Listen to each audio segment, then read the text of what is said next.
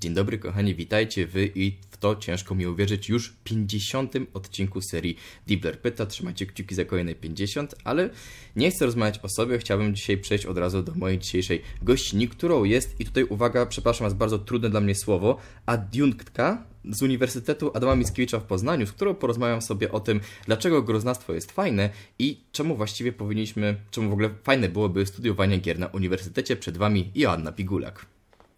Cześć, czołem. Cieszę się, że występuję w jubileuszowym odcinku. Nie spodziewałam się tego. Będę się starała, żeby było ciekawie. No i chętnie porozmawiam o grach, o grach w edukacji, o groznastwie, o różnych aspektach growości. Na pewno będzie ciekawie, byłem ostatnio na Perkonie na e, panelu u Łasi i Jezu, jak ja posłuchałem sobie o tych wszystkich ciekawych rzeczach, o których opowiadasz, stwierdziłem, koniecznie muszę Cię zaprosić, a żeby był jubileuszowy, tak wyszło i myślę, że będzie super.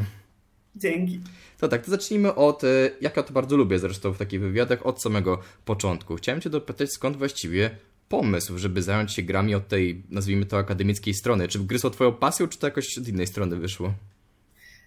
To jest ciekawe pytanie, to znaczy w ogóle pytanie o początki jest ciekawe, zwłaszcza jeżeli to nie były prapoczątki, jeszcze to pamiętam, to chętnie, e, chętnie opowiem. E, wiesz co, to było tak, że ja studiowałam filmoznawstwo, więc poszłam na studia filmoznawcze e, pierwszego i drugiego stopnia z zainteresowania kinem po prostu, ale gdzieś tam w międzyczasie zawsze grałam w gry, zawsze gry były mi bliskie. Jakoś tak stwierdziłam, że te narracje growe są dużo bardziej interesujące, są mhm. interaktywne, sami możemy kształtować te fabuły, historie i tak dalej dalej. I gdzieś tam to moje zainteresowanie poszło tak dwutorowo, w stronę gier i filmów. E, no i jakoś tak zdecydowałam się zostać na doktorację, zdecydowałam się zrobić doktorat i tu już wtedy wiedziałam, że będę pisać bezpośrednio o grach. Zresztą pracę magisterską na filmoznawstwie poświęciłam trailerom gier, więc to było też takie łączenie różnych, różnych dyskursów i różnych perspektyw. Natomiast doktorat pisałam już właśnie o relacjach między grą a filmem i temat wydał mi się absolutnie fascynujący. Nie tylko dlatego, że znalazłam się w momencie, w którym gry stały się po prostu maksymalnie filmowe. Zresztą no wciąż jakby odczuwamy i konsekwencje pozytywne i negatywne tego stanu rzeczy, ale także dlatego, że wydało mi się to dużo mniej oczywiste niż na mhm. pierwszy rzut oka właśnie e, można to uznać. Więc, więc takie zainteresowanie naturalnie we mnie rosło, no i e, okazało się, że w miejscu, w którym pracuję właśnie na UEM-ie jest sporo osób tymi tematami także zainteresowanych. Stąd też ten pomysł na stworzenie studiów, w których moglibyśmy kształcić o grach, był takim pomysłem, który miał swój początek w różnych źródłach. Mhm. No właśnie, na czym właściwie polegają takie studia groznawcze u Was na uniwersytecie? Czego, czego student może się nauczyć na takim kierunku? I takie ekstra dodatkowe pytanie, jaki stopień można z tego zdobyć właściwie? To jest tylko licencjat, czy magisterka też? Na ten moment jest to tylko licencjat, ale studia mają równo rok, więc też obchodzimy no tak. jubileusz. Znaczy w sensie, gdy skończył się pierwszy rocznik studiów. Mhm. E, planujemy uruchomienie studiów magisterskich, tak żeby studenci, którzy skończą cykl studiów licencjackich, mogli ewentualnie tę naukę kontynuować, ale na początku, no, dzięki temu, że system nam na to pozwala, stwierdziliśmy, że rozpoczniemy od studiów trzyletnich. Zobaczymy, jakie będzie zainteresowanie, jaki mhm. będzie feedback i tak dalej, i tak dalej. No więc w tym momencie jest to tylko licencjat. E, ale rzeczywiście no jest dużo bardzo interesujących, wydaje mi się, przedmiotów na tym licencjacie, także każdy może znaleźć tutaj coś dla siebie i też mamy studentów, którzy przyszli, znaczy nie prosto po liceum, dużo, dużo starsze osoby studiują, e, studiują groznastwo, to nie są dwudziestolatkowie, tam dziewiętnastolatkowie, ale często dwudziestokilkulatkowie, więc e, gdzieś no, ta, ta, ta granica wieku została także tutaj przesunięta. Co oferujemy na tych studiach? One są teoretyczne, w sensie sensie ogólnoakademickie, to znaczy, że to nie jest design gier, projektowanie, informatyka, programowanie, programowanie, tak, Dobrze. i tak dalej. Właśnie dziwnie, dziwnie to zabrzmiało kiedyś powiedziałam. No nie ma w każdym razie ukierunkowania e, programistycznego ten kierunek. To jest przede wszystkim teoria gier, analiza mhm. gier, pisanie o grach, krytyka gier, scenariopisarstwo, więc zdecydowanie ten zakres e, jakby wiedzy no, osób, absolwentów i po prostu studentów jest sprowadzony do, sprowadzony, czy może mhm. skupiony wokół takich zagadnień bardziej teoretycznych. To nie oznacza, że e, studenci nie będą mieli co robić po tych studiach studiach jest wręcz przeciwnie. Jeżeli chcesz, mogę oczywiście powiedzieć, jak my tutaj ten profil absolwenta określiliśmy, to jest tak, my sobie podzieliliśmy te przedmioty na takie trzy obszary. Jeden właśnie związany z pisaniem, z analizą, tutaj scenariusze, krytyka growa, więc w tym zakresie studenci będą mogli się rozwijać i na przykład zdobyć jakieś doświadczenie w pracy w mediach tradycyjnych, internetowych, poświęconych grom w krytyce gier, właśnie w publicystyce. Zresztą już mamy nawet na pierwszym roku e, osoby, które zaczynają staże właśnie w różnych growych redakcjach, czy też nie tyle growych, co właśnie mających gdzieś tam swoje growe, e, growe no, działy, czy, czy, czy, czy jakieś takie odnogi.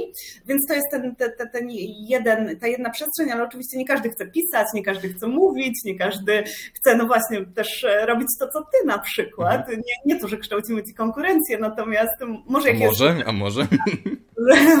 może kiedyś kogoś od nas przygarniesz do siebie. E, więc to jest ten, to, to jest ten jeden, jedna perspektywa rozwoju. Druga to związana z pracą w game devie oczywiście, bo mamy zajęcia z testowania gier, właśnie ze scenariopisarstwa, z organizacji produkcji gier, więc e, z promocji gier, więc takie elementy, które często jakby są, czy elementy, takie, e, takie przestrzenie, które często zasiedlane są przez humanistów mhm. właśnie po różnych studiach, my sobie je zebraliśmy i też tutaj kładziemy na nie nacisk podczas trzyletniej edukacji. Aha, czyli nawet jeśli nie uczycie absolutnie programowania czy designu, to wciąż po waszych studiach można dostać pracę stricte w game dev, właśnie w takich kierunkach bardziej humanistycznych. Fajne bardzo. Tak, tak, tak. Mamy też właśnie znowu studentów, e, którzy no, chyba miesiąc temu to jakoś było, jechali taką większą grupą do Warszawy testować gry w ramach właśnie takich praktyk i staży, więc wydaje mi się, że tutaj może nawet trochę testerów wypuścimy, bo, bo rzeczywiście jest takie, jest takie zainteresowanie, no ale no, wiadomo, to też, też jest kwestia tego, kto jak się na tę pracę w game devie zapatruje, ale ogólnie to jest tak, że u nas nawet po filmoznawstwie sporo osób poszło do game devu. Mamy e, na przykład e, osobę, która pracowała dla CD Projekt Red i robiła Krew i Wino, mhm. tak, była jedną z głównych reżyserek, Agnieszka Piechnik, pozdrawiam, jeżeli by to słuchała. Więc mamy teraz właśnie jedną absolwentkę, która też jest scenarzystką w CD Projekcie, więc gdzieś tam zawsze, zawsze no, film, gry i tak dalej, gdzieś tam osoby, kiedy myślały o swojej przyszłości, to właśnie mhm. kierowały się także w tę stronę.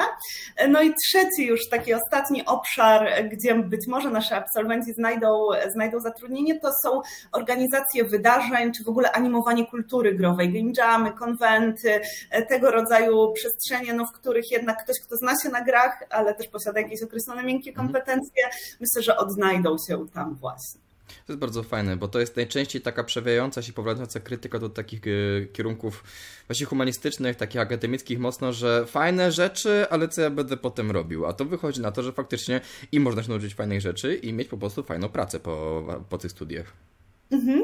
Znaczy, ja nie wiem, jak się robi normalnie kierunki, bo to był mój debiut, e, ale było tak, że rozpoczęliśmy od opisania sylwetki absolwenta, czyli wskazania na to, co ten absolwent mógłby po studiach robić. I mhm. jakby wymyślając to, to nie było jakby wyciągnięte z powietrza, ale też rozmawialiśmy z, z partnerami, z osobami z game devu, z osobami właśnie związanymi z organizacją różnych eventów growych i tak dalej, i tak dalej. No i wyszło, że dużo tych obszarów e, się tutaj klaruje, a też cały czas nowe obszary się rozwijają, mhm. jakieś wiem, analitycy, prawda, rynku i tak dalej, i tak dalej, growego właśnie, to, to, to też myślę, że jest ta przestrzeń, która później będzie ważna dla naszych absolwentów. No to słyszycie, drodzy, słyszycie i widzicie, drodzy widzowie, jeśli e, interesuje Was takie studio, to myślę, że spokojnie do Poznania możecie pojechać i nauczyć się tam ciekawych rzeczy. Ale jeszcze wracając do Ciebie, tak jak wspomnieliśmy na początku, no z wykształcenia jesteś tak naprawdę filmoznawczynią, no ale właśnie Twój doktorat traktował o więzach między filmem a grami.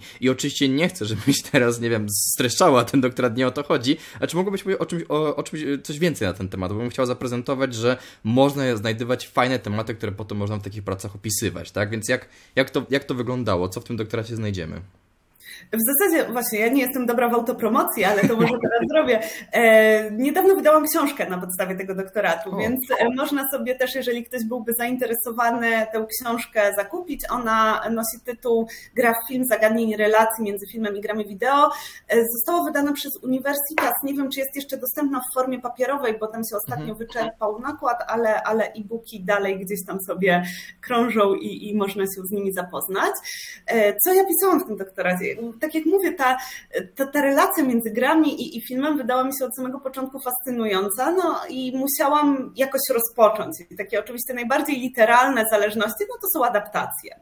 Wiemy, jak to jest z adaptacjami, zwłaszcza wiemy, jak to jest z adaptacjami e, gier wideofilmowymi, adaptacjami gier, e, no mają poziom różny, łagodnie mówiąc, ale jednak to była przestrzeń, w którą no musiałam się zagłębić, gdzieś tam ją zbadać, zobaczyć dlaczego, zastanowić się, dlaczego te adaptacje są takie złe. No i to jest jakby w, w pierwszym rozdziale zastanawiam się właśnie nad tymi relacjami gdzieś tam z perspektywy filmu. Jak film próbował zagarnąć dla siebie gry, dlaczego to robił, co nie wychodzi, co wychodzi, jakie są perspektywy rozwoju, a następnie właśnie przechodzę do tej sytuacji odwrotnej, czyli jak gry wykorzystują język kina, pewne kody filmowe, które, które są nam znane z właśnie z tej określonej, z tego obszaru filmu, jakby konkretnie tutaj sprecyzowanego.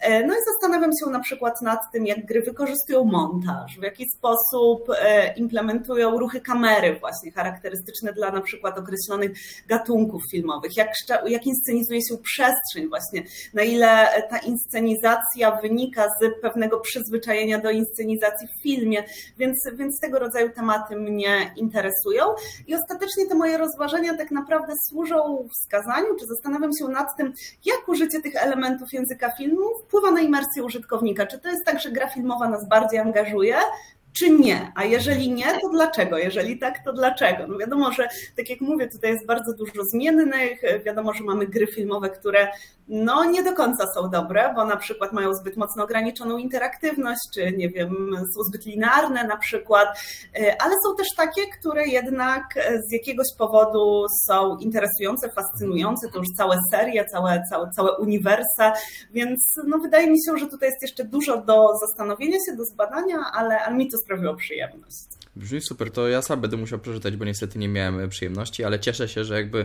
ta Twoja praca jest dostępna w tym momencie w formie książki w internecie i każdy może sobie zakupić i, i sobie przeczytać, więc wszystkim serdecznie, ja to zrobię autopromocję, znaczy prom, nie auto, tylko po prostu promocję, wszystkim serdecznie polecam. Poleca Pan Dibler. E, Dzięki. W ogóle ja też e, uważam, że bardzo fajny temat sobie wybrałaś, bo ja sam interesowałem się jego połączeniem kina, gier, jak one ze sobą działają i zawsze uważałem, że niepotrzebnie się robi adaptacje filmowe gier, bo przecież gry są interaktywne, a filmy nie są, więc jakby trochę spłycamy to, ale wciąż mimo tej krytyki, no to wszystko gdzieś tam zazębia, więc bardzo, bardzo ciekawy temat.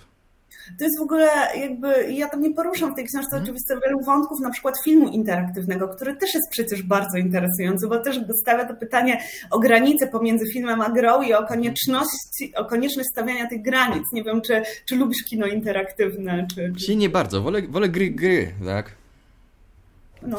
Ale właśnie na przykład taki David Cage, prawda, nazywa swoje gry filmami interaktywnymi, dramatami interaktywnymi, więc w ogóle ta, ten kontekst jeszcze teatralny tutaj dochodzi, ale no właśnie to są takie przykłady graniczne, które też może mogą odpowiedzieć na pytanie, dlaczego dąży się do pewnego połączenia, chociaż oczywiście gro odpowiedzi na te pytanie to czynniki ekonomiczne na pewno, więc skoro Pewnie. Tak, tak, tak dużym, tak ważnym jednak elementem popkultury generują tak olbrzymie zyski, no to mhm. głupotą było byłoby nie starać się wejść z nimi w jakąś relację. Mhm. Gry w ogóle, takie mam wrażenie, one długo walczyły o swoją pozycję jako dzieła kultury obok filmu czy właśnie książek. Tak naprawdę e, dopiero ostatnio e, zaczęły przechodzić do mainstreamu, ludzie zaczęli uznawać je za, e, też za dzieła sztuki. Myślę, że studia groznawcze właśnie, tak jak, tak jak wasze, mogą pomóc w tym. Jestem ciekawy, czy masz jakieś pomysły, co jeszcze moglibyśmy zrobić, żeby gry wypromować, ktoś tak mówi, w takim mainstreamie, żeby je zrównać właśnie z filmem czy z literaturą na pewno jakby widać teraz różnicę pomiędzy tym, jak postrzegano gry na przykład, nie wiem, 10 lat temu, gdzie dominowały artykuły odnośnie uzależnień mm. na mhm. przykład, a tego, jak pisze się o nich teraz. I w perspektywie Polski, no to dużą rolę odegrał tutaj CD Projekt Red. No, mu można naprawdę podziękować w tym sensie, że gdyby nie Wiedźmin i gdyby nie ta ogromna popularność Wiedźmina, to nie patrzono by chyba jeszcze aż tak przychylnie na przemysł growy. Okazało się, że to jest ciekawy taki no, towar eksportowy po prostu, że jest to zyskowne, no, zyskowne jest tworzyć gry, zyskowne jest inwestować w gry i też ten PR gier i stosunek do gier się oczywiście odgórnie po prostu dlatego również e, zmienił. No to na pewno, jeżeli będziemy robić dobre gry, doceniane międzynarodowo gry, to wydaje mi się, że one będą się bronić, nie tylko, znaczy nie tylko wśród graczy, ale także właśnie w dyskursie. To, to jest mhm. jedna rzecz. Druga, no to wydaje mi się, jak my tworzyliśmy studia groznawcze, jak ja wcześniej występowałam na jakichś konferencjach, pisałam o grach, to nigdy nie chodziłam na konferencje, które zakładały, że trzeba udowodnić, że gry są sztuką. Uważam, że jakby nie, jakby musimy założyć, że mhm. już są i po prostu zacząć je analizować w taki sposób, jak analizujemy literaturę, czy film, czy komiks.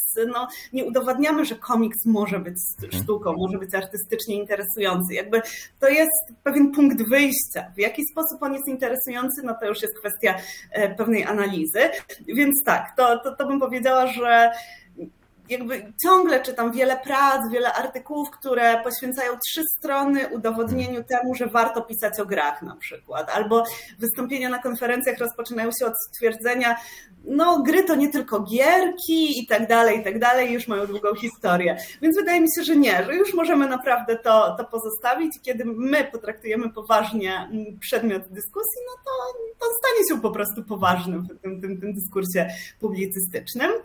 E, też widać takie współcześnie coraz większe zainteresowanie rządu, jak, jakby, jakby tego nie określić, mm -hmm. właśnie promocją gier. E, my właśnie z moim mężem zrobiliśmy taką broszurę edukacyjną do gry This War of Mine, gdzie zaprezentowaliśmy różne scenariusze lekcji, jak można się z tymi, jak można tę grę analizować właśnie na lekcjach. E, no, po, po, polecam swoją drogą, jeżeli ktoś byłby zainteresowany. E, no i właśnie, bo są dostępne za darmo właśnie na stronie, na stronie rządowej i spotkało, spotkało się to z takim bardzo dobrym odezwem i nauczycieli, i osób zainteresowanych edukacją grową wskazywali, że oni tak naprawdę nie analizują gier nie dlatego, że, że no, traktują gry jako coś gorszego, ale dlatego, że nie mają narzędzi. W mhm. sensie no, są podręczniki analizy filmu, są podręczniki analizy e, literatury czy komiksu nawet, a nie ma podręczników analizy gier, przynajmniej nie w Polsce, no bo wiadomo, na zachodzie jest inaczej. No i jeżeli takie materiały się pojawiają, to okazuje się, że nawet chętnie z nich korzystają, więc to jest też kwestia takiego i odgórnego, i oddolnego pewnie zaproponowania pewnych narzędzi. To super właśnie, bo to jest coś, e, o czym nie wszyscy pomyśleli, że super, że chcemy mieć e, lektury szkolne, które będą grami tak naprawdę, ale tych nauczycieli też trzeba wyedukować jednak, właśnie dać im te narzędzia, więc fajnie, że takie scenariusze przygotowaliście. Mhm. No wiadomo, że jeszcze będziemy sprawdzać, jak to wyjdzie mhm. w praniu. Na razie te pierwsze feedbacki są pozytywne, e, no ale też trzeba mieć na uwadze, że gra jest dłuższa niż film, mhm. że jakby przygotowanie do ogrania to już jest jakiś czas poświęcony temu zagadnieniu, więc jest pewnie dużo niuansów, jeszcze wiele przeszkód trzeba będzie pokonać, ale cieszę się, że taki ruch jest i to oczywiście wychodzi z różnych stron. Mhm. No, i podoba mi się jeszcze jedna rzecz, którą powiedziałaś, o której, co jest ciekawe, ja od bardzo dawna staram się promować gry w mainstreamie, a nie pomyślałem o tym nigdy, że właśnie przestań na siłę wszystkim mówić, że to jest sztuka. Nie, nie musisz znowu robić wy, wywodu o tym, dlaczego to jest, to są dzieła sztuki, tylko po prostu rozmawiaj o tych grach i analizuj tak, jakby już były właśnie dzieła sztuki, bo faktycznie są tym. Nigdy o tym nie pomyślałem, to jest bardzo fajna mhm. uwaga w ogóle. To, to się cieszę, ale w sumie tak bardzo podobnie było nawet jeżeli nie z całym filmem, chociaż na początku istnienia kina również, to na przykład z tym filmem najbardziej mainstreamowym, z blockbusterami, że na mhm. początku udowadniano, że to widowiska, warte analizy i tak dalej, a teraz już jakby nikt nie mówi, że można analizować, nie wiem, Marvela. To się po prostu robi. No, to bardzo fajny przykład też. A czy ty w ogóle potrafisz e, grać w gry w 100% dla przyjemności, czy może odpalasz jakąś grę, grasz i mimowolnie zaczynasz analizować dany tytuł pod względem tropów kulturowych i tym podobnych? Nie, to znaczy taki nie, może tak. Jestem, jestem człowiekiem bardzo emocjonalnym, bardzo też angażującym się w rozrywkę, więc w rozgrywkę, w rozrywkę mm. też, ale w rozgrywkę przede wszystkim o to tutaj chodzi. Więc jeżeli gra jest taka właśnie angażująca, to ja się daję jej ponieść. To oczywiście mam jakąś swoją wiedzę kulturową, społeczną mm. i tak dalej, i tak dalej, więc oczywiście zauważam być może szybciej niż, niż ktoś inny jakieś luki fabularne albo niedociągnięcia techniczne. Niemniej jednak potrafię czerpać przyjemność z roz, rozgrywki. Najgorzej jest, kiedy muszę włączyć grę, bo wiem, że muszę się nią zająć po prostu zawodowo, że muszę Aha. ją przeanalizować, że muszę ją omówić na zajęciach, albo że muszę napisać na jej temat artykuł, więc no, zaczyna się trochę taki welczmerc. Jeszcze, może jutro włączę, jeszcze nie dzisiaj, no a może jutro zacznę robić notatki, więc na, na tej zasadzie, ale myślę, myślę, myślę, że to jest naturalne. Niemniej czerpię wciąż przyjemne z gier. Czasami zdarza mi się, że e, jakaś gra mnie nudzi, denerwuje, mhm. frustruje właśnie dlatego, że muszę do niej podejść w taki sposób analityczny, że muszę obejrzeć coś jeszcze raz, czy, czy, czy zagrać jakąś, jakiś akt jeszcze raz. Nie, nie bardzo lubię powtarzać rozgrywkę mhm. jednak, ale no, to jest nie, nieuniknione. Ale wydaje mi się, że, że, że tutaj tak, ta przyjemność ciągle istnieje. To w takim razie, gdyby, bo jest takie pytanie, które dostaje każdy y, gość w Dibler, pyta, gdyby zamknęli cię na, w izolacji na pełen rok, ale mogłabyś wziąć ze sobą trzy gry, to jakie byłyby to gry? Wiesz, jakie to jest strasznie, strasznie, strasznie trudne pytanie. Najtrudniejsze, jakie jest zawsze. Tak, a, a, absolutnie. No, znaczy, myślę sobie tak, że jeżeli to miałby aż cały rok, to na pewno jedną z tych gier musiałby być open world. To znaczy mhm. gra, która po prostu byłaby potencjalnie nieskończona i umożliwiałaby mi ewentualnie jakąś taką wielką eksplorację. Um, oczywiście najlepiej pewnie też jakby to była jakaś gra online, w tym sensie, że skoro jestem w izolacji, to fajnie byłoby spotkać się chociaż w tej przestrzeni wirtualnej z innymi, z innymi ludźmi.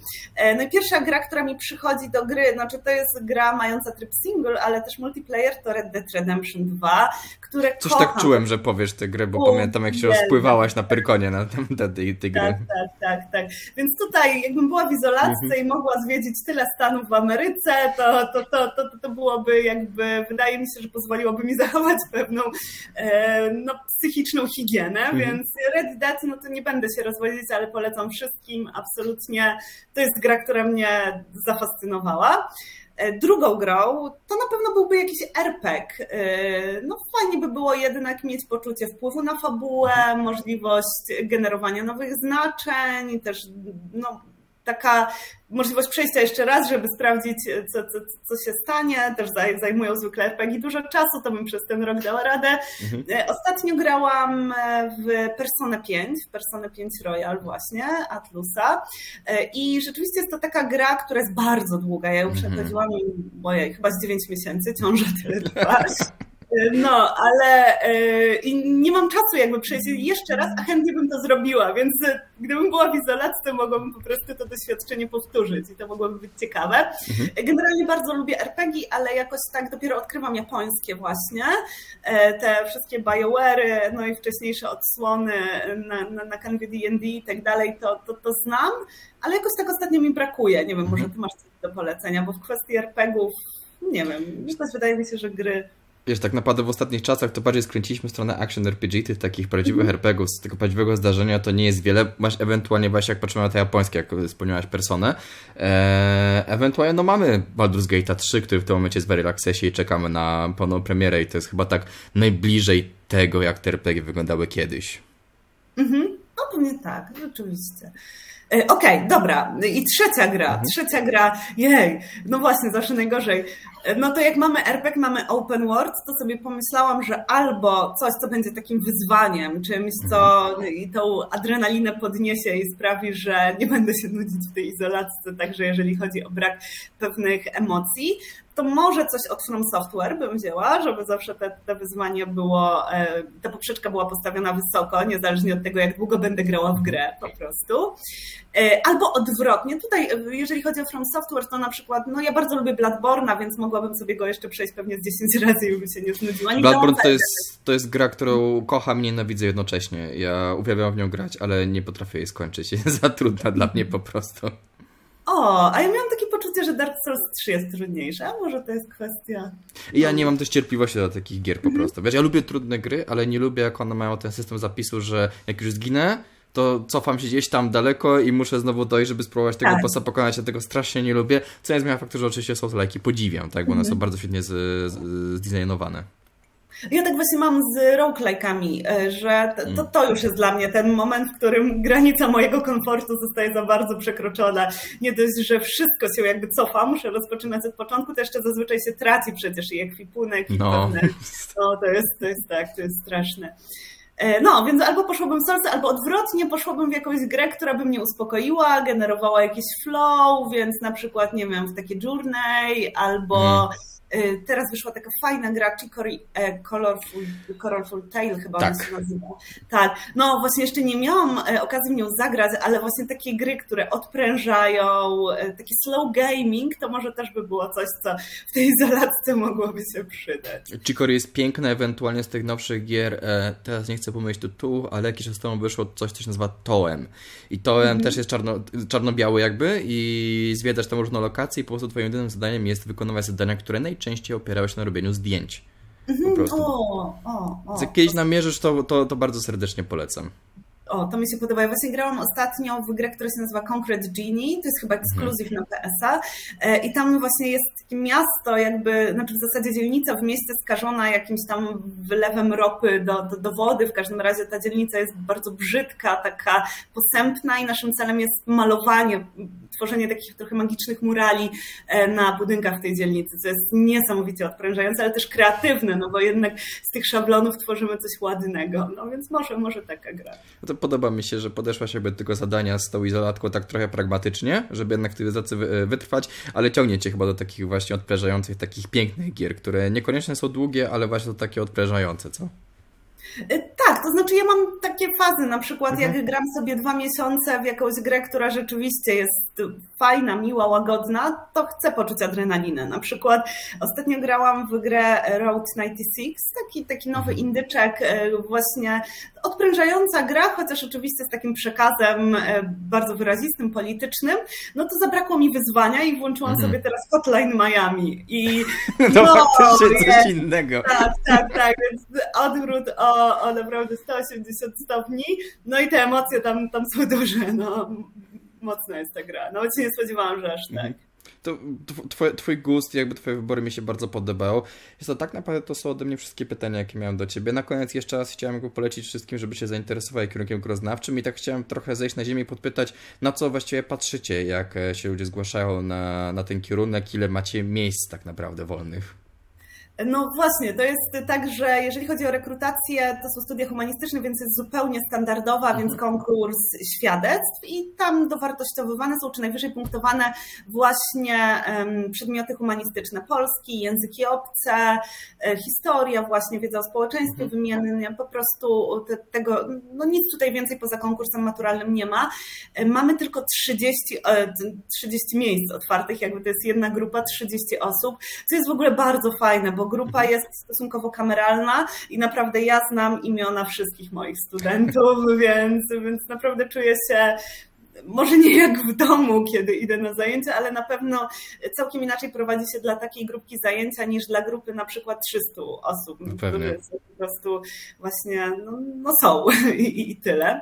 E, więc tak, no, ostatnio mieliśmy aż 7 osób na miejsce, bo tam 210 się zgłosiło, no właśnie, a jest, a jest 30 miejsc.